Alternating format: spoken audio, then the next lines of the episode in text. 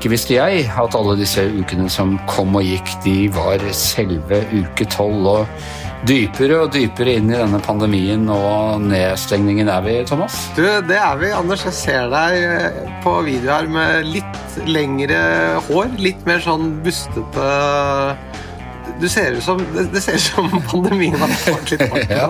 Nei, det er, eh, er, det rett og slett fordi jeg har vært ute og gått, og da gikk jeg med lue, så det er en luesveis mer enn uh, Pandemisveis. Mer, mer enn pesten, vil jeg si. Men, eh, men allikevel, ja. Nei, er, jeg kvier meg litt for å gå til frisøren nå, jeg må si det. Selv om det, de, de, er vel strengt tatt av de som er oppe. Men Anders, du vet, du er jo av de heldige som uh, i din alder har et sånn voldsomt behov for frisør. Det er ikke så mange av oss som har det. skjønner du. Syns du er overdrevet å brife liksom, og gå rundt med masse bustete hår til tross for at jeg har gått opp i? Hvor mye vedlikehold og stell du har med den, det, du kan tone det litt ned. Eh, ellers, hvordan går det i isolatet?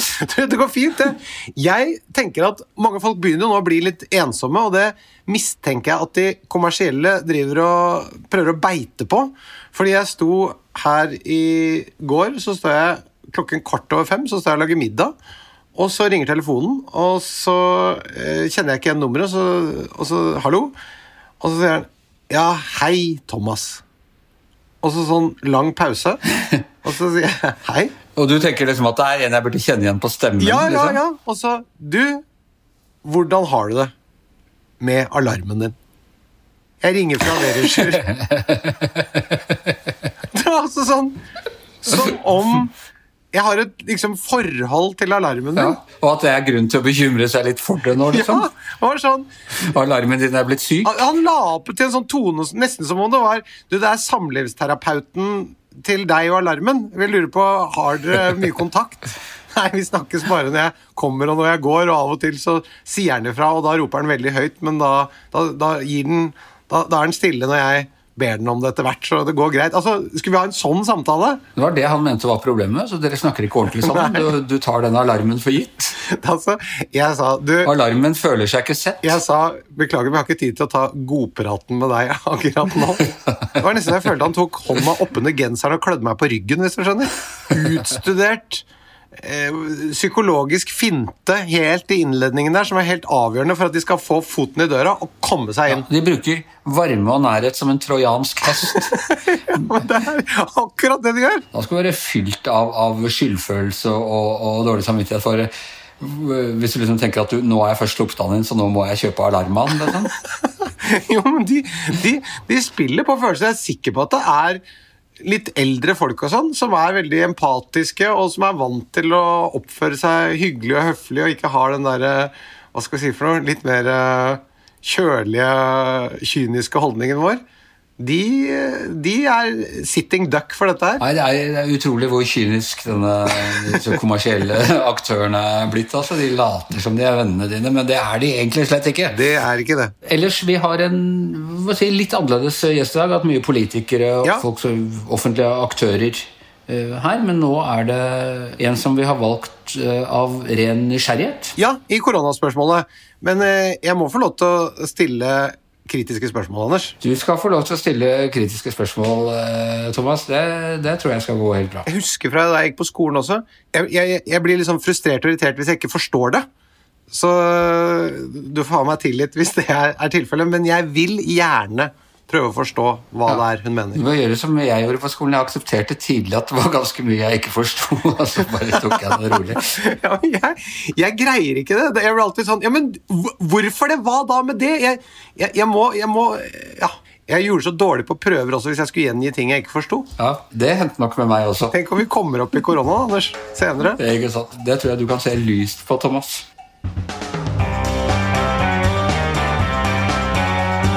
Pandemien har gjort eh, noen av enhver til, eh, til eh, ekspert på, på, både smitte og smittebæring og, og tall, Thomas?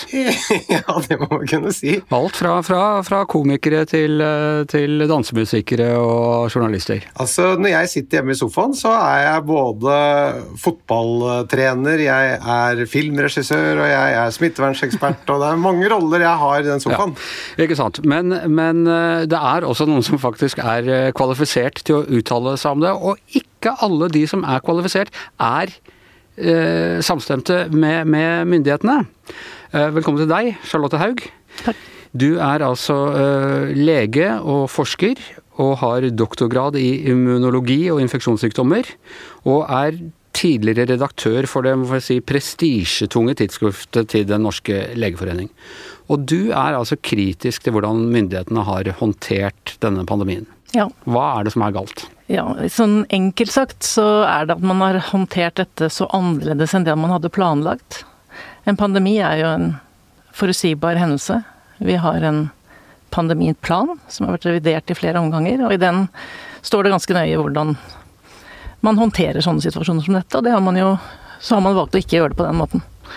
Man har valgt å isteden stenge ned samfunnet, eh, og det det er delvis at jeg tenker, og det ser vi vel nå, at det er ikke så lett å få, få det til på den måten Norge har gjort. Å få stoppet smitten, rett og slett. Det ser vi jo. Så det er den ene siden av den ligninga. At det er ikke så lett å gjøre det på den måten å få stoppet smitten. Og det andre er at det er såpass svære andre konsekvenser av den nedstengningen. Både helsemessig og helt andre. Eh, Er den noe som skal gjelde uansett hva slags type virus eller hva slags type pandemi? At uh, man Det står mye om influensa i den planen vi har i Norge, men eh, det er ikke sånn at eh, den er bare laget for eh, influensa. Den er laget også for f.eks. utbrudd av pandemi blant dyr. Ikke sant? Og så må vi huske på historien rundt eh, pandemiplanen. Eh, Vi hadde ikke noen for en 20 års tid siden. Men så kom SARS. Det satte en veldig støkk i, i mange, meg selv inkludert. Det var eh, en veldig skummel Den første SARS, den var skummel. Og da skjønte man at vi hadde tatt litt lett på dette med, med pandemier, rett og slett. Og hva det ville bety. Um, Og så satte man i gang å lage planverk både i WHO og i de forskjellige landene. Og Norge også. Og så fikk man én runde, og så fikk man testet pandemiplanen i forbindelse med svineinfluensaen i 2009. Og, eh, og så så man at den var kanskje ikke helt presis nok og god nok, og så eh, reviderte man ganske omfattende, og den som gjelder nå, ble vel da publisert i 2014. Men uh, Sverige de har hevdet at de var mye mer vitenskapelige i sin tilnærming. Ligger de nærmere den opprinnelige pandemiplanen som, Ja, si. eh, som vi hadde? Det var også sånn vi håndterte svineinfluensaen, som jo også var en pandemi. Så du ville at vi skulle vært eh, nærmere Sverige da, eller? I vår håndtering? Det som, jeg, som er på en måte veldig tydelig når man nå ser på pandemiplanen, det er jo at man ikke liksom tenker på den konteksten eh, den skal eh, settes i verk i. Eh, Og Sverige og Norge, mange steder, i, særlig i Vesten, vil jeg si, har jo fått avslørt hvor elendig eldreomsorgen vår er. Og det var jo det som Sverige ikke tok hensyn til. De liksom så bare på, på måte håndteringen av sykdommen, eller smittespredningen.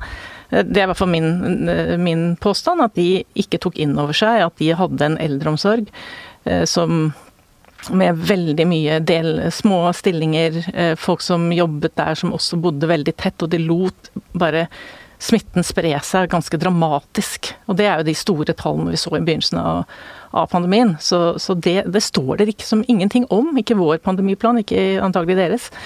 Så det, det, så det er jo noe man må se på nå etterpå. Men dette viruset har jo den egenskapen at eh, det smitter når man ikke har symptomer. Og det viser seg at testene heller ikke er i stand til å avdekke med god nok eh, treffsikkerhet om man eh, er smittet når man ikke har symptomer. Er det ikke nesten helt umulig da å få til å skjerme de eldre? Det har jo veldig mange eldre fint klart. Altså, det dreier seg da om å eh, holde seg på to meters avstand, som vi nå har lært oss. De som arbeider i møte med dem, de må jo leve sine liv ute, og så må de gå inn der. Og det er uklart om de er smittet eller ikke. Det vet man ikke. Det er, en av denne, det er et av de egenskapene som, eh, som dette viruset har. Hvordan skal man løse det? Ja, altså, hvis du, hvis du spør meg hvordan jeg, kunne, hvordan, jeg, hvordan jeg tenkte rundt dette for et år siden, eh, så var det jo fortsatt sånn at selv om det er eh, asymptomatisk smitte, så er det ikke sånn at det er en permanent ting. Altså Det er sånn at du har ikke symptomer, og så får du symptomer etter noen dager. Sånn at det, hvis du har én test, og så tar én test til, da er du ganske sikker på at du ikke er smittet. Ikke sant? Sånn at Det skjønner jeg. også, Det er de dagene imellom der jeg lurer på hvordan du skal gjøre det. Man kunne hatt uh, nordsjøturnus. Man kunne ha sagt at du jobber uh, 14 dager og bor på hotell, og så, og så tar du og har fire uker fri. Men er systemet rigget til at vi kunne, kunne, fått til det nå? Eller er det sånn at systemet burde vært rigget på en helt annen måte i utgangspunktet? Så kunne vi ha håndtert det på din alternative måte, men altså, nå er vi nødt til å improvisere rundt det systemet vi faktisk har. Det kan du si. Jeg har også liksom litt lyst til å protestere mot det med alternativ måte. Fordi sånn som jeg og noen andre snakker om at vi skal håndtere det, er akkurat sånn som vi faktisk håndterer det hvert eneste år. Men da har vi jo ikke den type smittsomme og jo, farlige. Jo, vi, vi har det. Hvilke er det som er like farlige som covid-19? Ja, influensa er veldig farlig sykdom. Men, for gamle mennesker. Ja. Men er det relevant å sammenligne med influensa? Det er relevant å sammenligne med influensa på den måten at det er veldig lik smittevei. Det er barn som bærer smitten rundt. Det er de eldre som bærer byrden. Og sånn sett så så, så, er det mange av de tingene som vi nå har lært oss. Vi skal faktisk beskytte eldre mennesker mot smittsomme sykdommer generelt sett. Det er det de stort sett dør av til slutt. Og de blir smittet av oss. Men vi har et vaksineregime på, på plass allerede for influensa. Vi vet hvordan man håndterer bølgene. Dette her er en helt et nytt virus som vi ennå ikke vet helt konsekvensene av, heller ikke langtidsvirkningene av. Ja, altså Jeg er helt enig i at, at, det var veldig dumt av noen å si at liksom dette er bare som influensa, for det, det, det avsporer debatten. Men på mange vis så ligner det på influensa. Og influensavaksinen er jo ikke um, 100% virksomme, f.eks. Så, så, så det er nødvendig å tenke seg om når man bærer smitte rundt i samfunn generelt. Og ikke minst syns jeg at de eldre godt kunne få lov til å bli generelt beskyttet bedre. Og det er jo da slik at selv om det er denne asymptomatiske smitten, så viser jo forskningen veldig tydelig nå at de fleste blir smittet av en som er symptomatisk. Sånn at det er, det, det er viktig å tenke på det, og det er viktig å ta hensyn til det. I begynnelsen, og kanskje også nå, har, jeg vært tilhenger av et mye strengere testregime. Hvis man f.eks. skulle jobbe med eldre. Hvis man f.eks. skulle komme på besøk. Jeg hadde, vært, jeg hadde min far på sykehjem i begynnelsen. Han døde dessverre. Men fikk ikke komme på besøk. Og jeg sa jo jeg kan gjerne være i karantene, teste meg to-tre ganger, for da ville jeg visst at jeg ikke ville brakt noe smitte inn. Sånne konkrete ting, da. Og det kunne vi gjort med de ansatte òg. Du, du underskrev bl.a. På, på Great Barrington Declaration i fjor, som, mm. som tok til orde for å bygge opp flokkimmunitet ved å la viruset få, få, få spre seg større i samfunnet, mens man da isolerte disse risikogruppene. Etter den nye mutanten, synes, er det en like god idé, eller har, det, har den forandret på hva skal jeg si, kravet i, i, den, i det oppropet?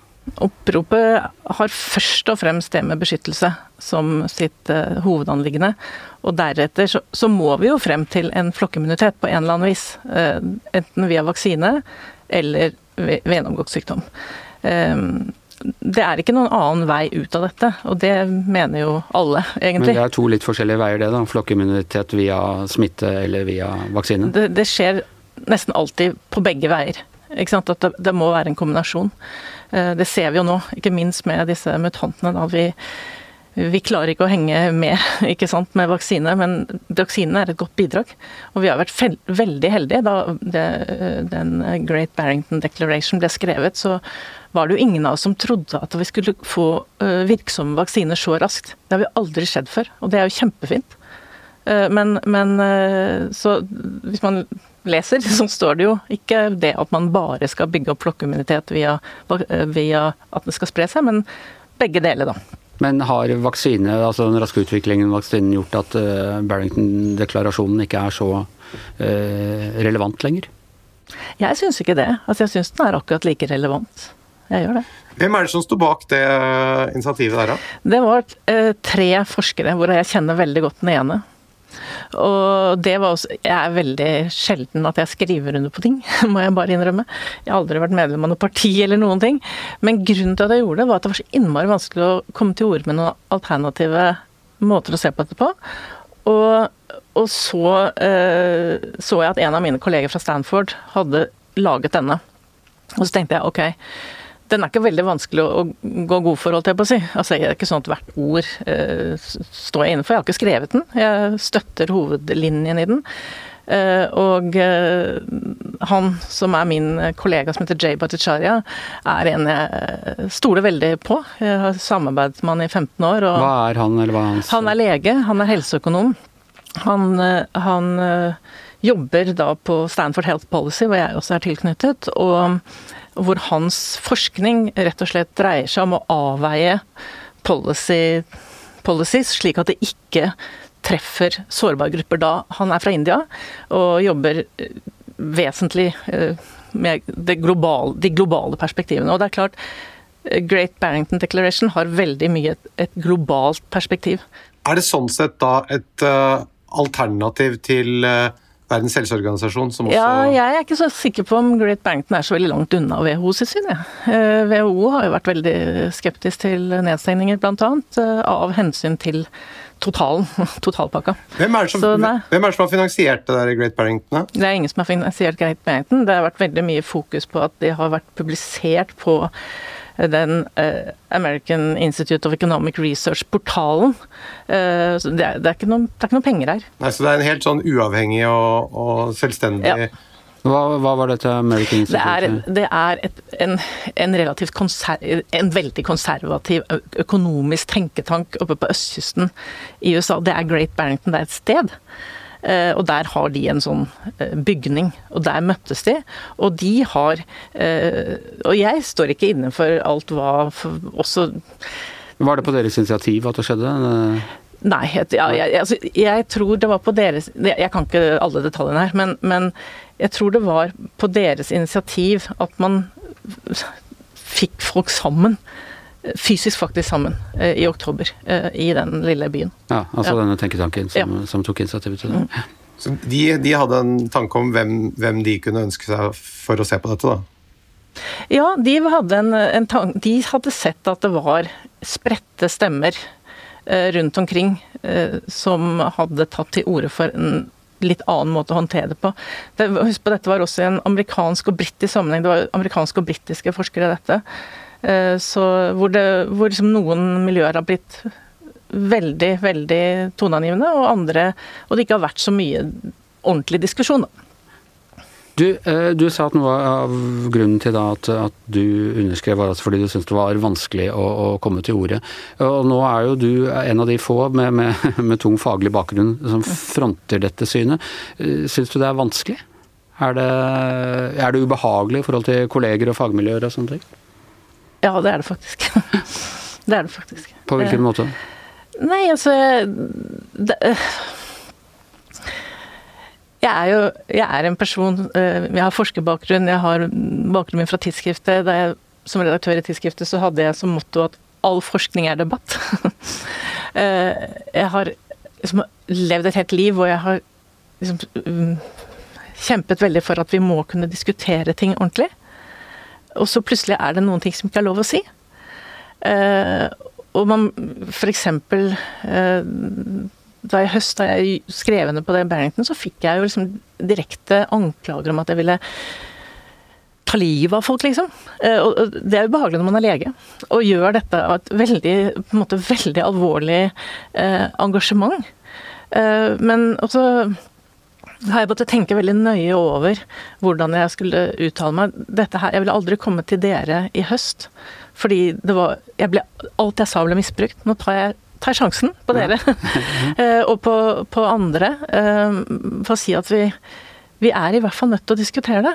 Eh, og, og, og, og det må være lov å si at også andre har hederlige innsikt, altså, hensikter. Jeg, jeg, jeg, jeg syns det eh, det har vært veldig rart. Vet du om det er mange som tenker som deg, og som reserverer seg for å si det pga. det, det ubehaget? Det... Veldig mange. Det er det. Men det, jeg er, ikke, jeg er overhodet ikke i flertall. Nei. Det vet jeg, vet jeg veldig godt. Eh, så, så det, men, det, men, det, har vært veldig annerledes nå enn det var i høst. Det er det. På, på hvilken måte er det annerledes nå enn i høst? Det er, det er flere som tør å si, uh, si noe, uh, men Til tross for at uh, situasjonen på mange måter ja, er, er mer meg, alvorlig? Ja. Det blir mer som privat, da. Ja. Ah, ja, ja. ja nei, så jeg, jeg syns det er det, det er kanskje det som bekymrer meg enda mye mer enn pandemien. Hvis vi skal ikke kunne diskutere ting. Er du ikke redd for å få korona selv? Nei, jeg er ikke redd for å få korona selv. Men, men, men jeg har ikke noe risiko for det heller. Men det betyr jo ikke at jeg ikke jeg har ikke noe lyst til å få den. Du nevnte at faren din eh, døde. Døde han av eh, covid? Nei, han døde av tiltakene. Ja. For å si det sånn. Han var på sykehjem, han holdt ikke isolasjon. Det er i hvert fall sånn som Men akkurat nå så tenker jeg at han hadde i hvert fall ikke tålt et helt år uh, for seg sjøl. Så, så, Nei, det var forferdelig trist. Det, men jeg er jo ikke alene om den situasjonen. Nei. Eh, men det er jo en, liksom en, en side, det at, at vi ikke kan uh, starte og avslutte livet på riktig vis, og ikke kunne samles og ikke kunne sitte sammen og Nei, det Det var på en måte min sånn kickstart på, på hvilke andre ting disse tiltakene tilsynelatende uh, selvfølgelig i beste mening. Jeg, jeg, jeg, tror ikke at myndighetene har noen stygg plan eller noe sånt. Men det er som man setter til side så fryktelig mange verdier som vi ellers øh, øh, syns er veldig viktige. Og som jeg syns er veldig viktige. Men samtidig, når noe så dramatisk skjer, som denne eh, pandemien, er man ikke da også nødt til altså, jo, jo. Man får ikke en total konsensus Nei. om absolutt alt, og vi må alle da innfinne oss mye om det er hytte, eller hva, hva det måtte være. Altså at uh... Absolutt, og det tror jeg på en måte, men, men, men vi må likevel holde tunga rett i min og huske på at det vi har gjort det siste året, det er det som er unntaket. Vi har hatt mange pandemier, vi har hatt mange ting som har skjedd. Vi har hatt terror, vi har hatt krig.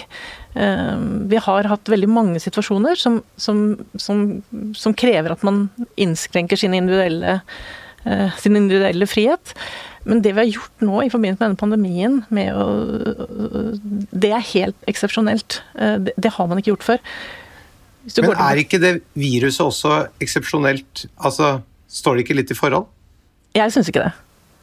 Jeg syns ikke det. Og hvis du ser debatten, hvis du går tilbake og ser hvordan debatten gikk de første to månedene av 2020, så diskuterte jo WHO, norske helsemyndigheter, internasjonale helsemyndigheter, de diskuterte jo dette, altså som en på Harvard sa, dette blir en nasty influensasesong. Ikke sant? Eh, men, og så stengte Wuhan eh, ned. Og da himlet jo folk med øynene, for det var jo aldri gjort før i en pandemi. Nei, og så har det aldri Jeg har jo ikke opplevd at så mange har dødd av noe, et virus, i min levetid heller, da. Ja, og Det tror jeg vi nesten må gjøre opp eh, om, om en stund, når vi ser hvem som egentlig har dødd. Vi trenger ikke dø noen flere for mitt regnestykke. Når vi nå har uh, håndtert den på den måten som vi nå har, uh, er det uh, Og vi er såpass langt ute i løpet, hvor lenge tror du det vil vare? I Norge? Ja. Nei, altså Norge kommer til å vare lenge. fordi vi, hvis, hvis, vi skal stenge sånn som vi nå gjorde i går uh, altså Hvis vi skal stenge helt ned uh, i sånn føre var-prinsipp, så, så, er det jo reelt sett få mennesker i Norge som har vært smittet. Og, så da er det enten at man får vaksinert alle som vil, uh, med en vaksine som faktisk virker, og at det ikke har kommet nye mutanter og sånt, da kan man åpne. Eller så, eller så, må man jo gjøre sånn som andre land, hvor de, hvor de, sier at nå må vi legge noen andre mål eh, for, for å åpne. Eh, jeg føler, og, og da, Resten av verden begynner jo så smått å åpne, men eh, å legge planer for det. Men, men, at folk ikke kommer til å fortsette å bli syke av dette viruset, det, det, det kommer ikke til å skje før, før vi har denne berømmelige flokkimmuniteten på den ene eller den andre måten. Og Hvor lang tid tror du det kan ta? Altså, I en ideell situasjon, og vi fikk ut den vaksinen, så ville det jo da Så er det, er, er det et tegn på det. Um, så ser vi jo da land som Uh, altså USA er jo et eget lite eksperiment for seg selv, med de forskjellige statene som har hatt Ja, forskjellige Texas som har liksom Mm, Norge, ja. sånn, altså, du ser at der, der ser du på en måte bidragene fra begge deler immunitet. Eh, men uh, Så, så for, for vår del, for Norges del, så er det jo hvor vi, hvor vi Når vi har lyst til å åpne opp, eh, rett og slett. Eh, Fordi det hva vi, hva vi tåler. Sverige holder vel på De har jo jobbet eh, med den flokkimmunitetsstrategien. Ja, altså de, de Jeg skal ikke sitte her og forsvare alt som, som gjøres der, men der i starten så, så var på en måte de svenske eh, responsen veldig klassisk folkehelserespons, vil jeg si. Og i en klassisk folkehelserespons så er flokkimmuniteten noe som man regner med. Men så har det vært diskusjon hele tiden, egentlig, knyttet til den eh, immuniteten etter koronavirus, eh, som er en litt annen type immunitet enn etter f.eks. influensavirus. Det blir teknisk, men, men så viste det seg ganske fort at jo, man fikk eh, immunitet også etter gjennomgått eh, infeksjon. Men det skal mye til før du er eh, i mål. Men jeg, jeg, jeg vil ikke si at Sverige har kjørt uh, ren flokkimmunitetsstrategi. Jeg vet ikke. Hvor, hvor lenge varer den immuniteten? Vet dere noe om det? Alt tyder på at immunitet Altså, det er, det er flere typer immunitet. Altså, du, har, du kan ha den veldig sånn spesifikk mot akkurat dette viruset, og så har du en litt mer generell immunitet som du får mot andre koronavirus også. Og det er jo sånn, eh, sånn det er jo noe man kanskje lurer på om er grunnen til at barn ikke får blir så syke at de har hatt mye sånn forkjølelseskoronavirus, f.eks. Sånn at de har litt uh, immunitet. Og at vi får nok immunitet uh, Vi får jo immunitet som vi alltid får. Uh, spørsmålet er på en måte om man helt kan unngå sykdom, eller om det blir sånn at man bare får en mildere sykdom, f.eks. Det er vel det mest sannsynlige. Ok, ehm, eh, vi må runde av her. Eh, Samfunnet er nå, per nå såpass stengt ned at det er, eh, det er omtrent umulig å, å bruke penger, men vi har altså en intensjon om å, å, at alle våre gjester og vi selv skal putte noen penger inn i samfunnet. Har du, har du brukt penger de siste to ukene som, som ikke har vært i matvarer? Mm, Jeg har kjøpt en flybillett til USA En flybillett til USA? til i høst. Ok. Oi! Til Texas? Nei, jeg pleier å være på Stanford i California uh, i, he- i oktober hvert år. Eh, California i oktober er Mm, Det er et ganske lurt tidspunkt. Og, og nå, litt sånn apropos det du sa, så tenkte jeg at ok, jeg kan vente og se hvordan det går, eller jeg kan si jeg kjøper den billetten nå for å signalisere at jeg, at jeg håper det går. Uh, og du regner vel kanskje også med å være vaksinert innen da? Jeg vet ikke, jeg står veldig langt nede på lista. Ja. Så det er liksom eh, Skal ikke, skal ikke vi på vår alder være vaksinert sånn i løpet av sommeren eller noe sånt? Jo. Og jeg tror jeg må ha vaksine for å, for å få reise. Men du, siden du kan uttale deg fritt og på eget, fra eget ståsted, hvilken vaksine har du mest lyst på? Den, nå vil du være litt overrasket over svaret mitt, men jeg eh, hadde sikta meg inn på AstraZeneca. Hadde du det? Mhm. Hvorfor det? Fordi den er litt mer tradisjonell. Det er ikke for det, jeg er ikke redd for det sånn, hva skal jeg si, sånn at det er noe genetisk farlig med de to andre. De er så innmari spesifikke. Sånn at eh, hvis den, det, liksom, de har klart å lage liksom et, en vaksine mot dette berømmelige spike, denne lille taggen. Og så tenker jeg, liksom bare, så tenker jeg sånn at ok, disse mutasjonene Viruset er jo ganske smart, da. Og så de, bare litt endring på den spiken, så virker kanskje ikke de. Mens AstraZeneca, igjen, det er jo ikke så veldig mye når det er så mye opplysninger ute, men, men de bruker jo en sånn adenovirusvektor og mer tradisjonell vaksinestrategi som kanskje blir, gir litt bredere immunitet. Det var sånn jeg tenkte. Altså, dette er bare så fascinerende, for det, her er det, dette er et helt annet menneske enn meg, sånn psykologisk skrudd sammen. Her har vi en person som vil slippe smitten fri, som ønsker seg AstraZeneca-vaksine, og som skal til USA. Jeg kan ikke tenke meg noen ting jeg har mindre lyst på enn de tre tingene. Nei. Ja, jeg, jeg drar veldig gjerne til California i oktober, altså, så, så jeg er ikke med på Thomas. Uh, Nei, og mitt, eh, mitt svar er at jeg skal hjem og tenke. ja. Og, hva har du brukt penger på? Hvor uh, Har du kjøpt deg noe billett? Jeg har faktisk bestilt meg eh, nye joggesko igjen, Anders. Ok, ok, ja, det er Det- sesongen.